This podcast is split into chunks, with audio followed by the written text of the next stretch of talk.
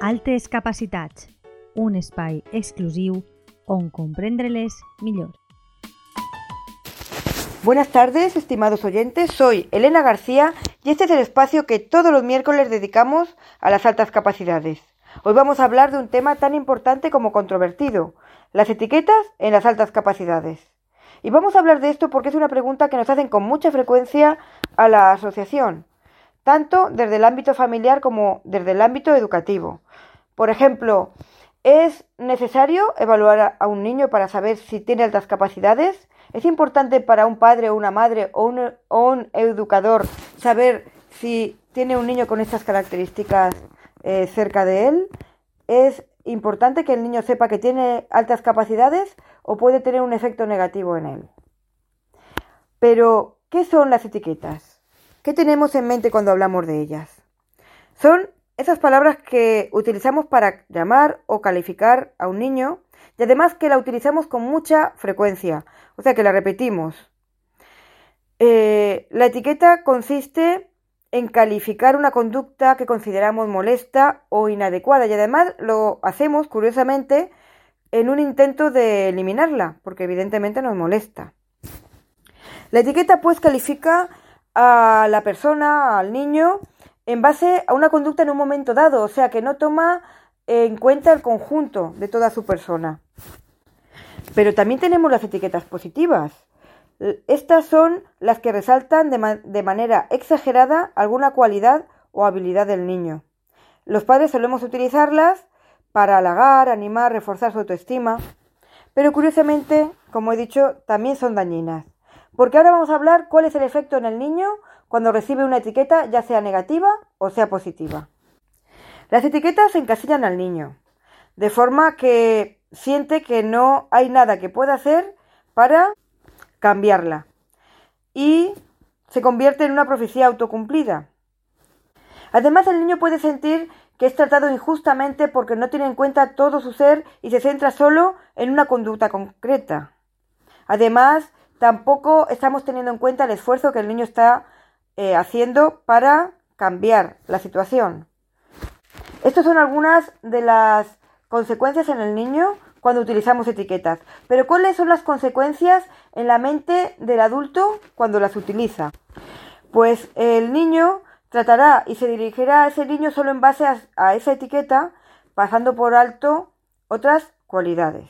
Por lo tanto, es evidente que si vamos a utilizar las etiquetas de esta forma, sin pensar lo que estamos haciendo de una forma repetitiva, calificando solo una cualidad concreta y sin tener en cuenta los esfuerzos que el niño está haciendo para cambiar la situación, estamos haciendo mucho daño al niño, estamos siendo injustos y estamos haciendo un mal trabajo, seamos padres o seamos educadores. Pero esto significa que no tengamos que evaluar a un niño, esto significa que un niño no tenga que saber si tiene altas capacidades o no, de ninguna de las maneras. Creo que es bastante evidente que no podemos atender las necesidades de un niño si no sabemos qué es lo que tenemos entre manos. Si no sabemos cuáles son estas necesidades, cuáles son sus puntos débiles, sus puntos fuertes y qué es lo que necesita, no podemos atenderle adecuadamente. Yo creo que podemos compararlo en el ámbito sanitario con eh, tratar a un paciente sin saber qué tipo de necesidades tiene, si tiene alguna dolencia o alguna carencia. Em, vamos a centrarnos primeramente en el adulto, sea padre, madre o educador. Si no sabe qué necesidades tiene el niño que tiene delante, tiene un problema.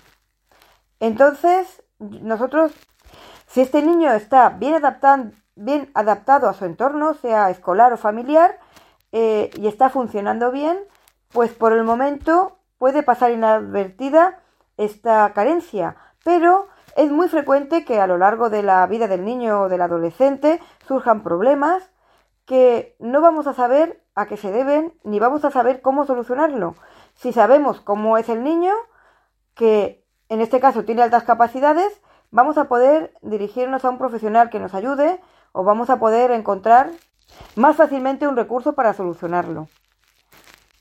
Es muy frecuente que un niño o una niña que están perfectamente adaptados llegue un momento en el que se bloquee, tenga mm, terrores nocturnos o llegado a la adolescencia tenga problemas de identidad, porque como sabemos, los niños de altas capacidades con mucha frecuencia se mimetizan con el entorno olvidando sus propias características y todo esto puede agudizar la dificultad que conlleva ya el paso por la adolescencia. Si sabemos ya que este niño tiene altas capacidades, tenemos la mitad del trabajo hecho. Por supuesto, tenemos que saber qué otras características tiene el niño. El niño no solamente tiene eh, altas capacidades, tiene su propia personalidad que tenemos que conocer, evidentemente. Pero ¿y si somos profesionales de la educación? Si somos su profesor, si somos su tutor o somos su orientador. ¿Es importante o no saber si tenemos un niño de altas capacidades o no entre manos? Bueno, yo creo que es fundamental. Como pudimos ver el miércoles pasado, es muy habitual que a un niño esté haciendo trabajo en un área que ya domina y esté repitiendo como si de un castigo se tratara una actividad que ya no tiene por qué realizar. Porque no olvidemos que uno va al colegio o a un taller para aprender. Si un niño no está aprendiendo en el colegio, está perdiendo el tiempo y propiciando malas conductas. Si además tenemos en cuenta que las altas capacidades no solo consisten en aprender más rápido, sino que conlleva una serie de características adicionales, si sabemos que estamos con un niño con altas capacidades delante de nosotros, podemos atenderlo a nivel emocional de una forma distinta. Podremos también hablar con los padres y tranquilizarlos porque con frecuencia esta situación es complicada para ellos y produce mucha ansiedad en el ámbito familiar. Y quiero haceros una pregunta. ¿Vosotros pensáis que un niño con estas características no sabe que es distinto? ¿No sabe que está pasando algo? Pues con mucha frecuencia el niño interpreta su situación, interpreta la respuesta de los demás niños a su persona de una forma negativa. Se siente raro, se siente distinto, se siente discriminado. Si este niño sabe a qué se debe esta diferencia, puede enfrentar su situación con conocimiento de causa. Yo creo que es algo que los niños necesitan y merecen. Creo que están en su derecho y me parece inaceptable que como adultos no les demos esta información. Por supuesto, tenemos que hacerlo bien. Tenemos que explicarles en qué consisten las altas capacidades, que no son superhéroes, que tiene su hándicap, que tienen que aprender a convivir con ello y también a convivir con el resto de personas que le rodean con habilidad.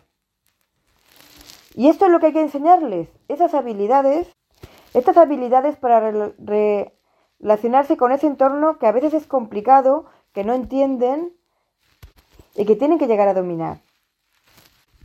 Y como hablamos también hace un par de semanas, no olvidemos a las niñas.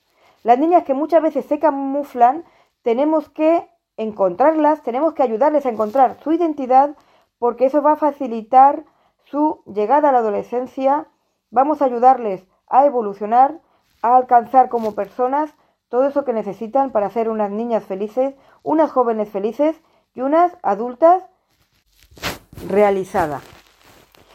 Y tenemos además a los hermanos. Tenemos que tener mucho en cuenta que es muy frecuente que si tenemos un niño o una niña con altas capacidades, que los hermanos también lo tengan, tengan esta eh, cualidad. Pero, aún así, si no la tienen, yo creo que no tenemos nunca que olvidarlos porque también merecen, merecen que se les tenga en cuenta, quizás que se les haga una evaluación para que ellos sepan cuáles son sus características propias, que les ayudemos a desarrollarse, porque no podemos caer en el error de centrar toda nuestra atención en el hijo con altas capacidades dejando al hermano o a la hermana. Desde la asociación tenemos muy en cuenta esto, de forma que si tenemos un niño con altas capacidades, atendemos no solo a los padres, sino también a los hermanos, para que se sientan integrados y partes de un proyecto común.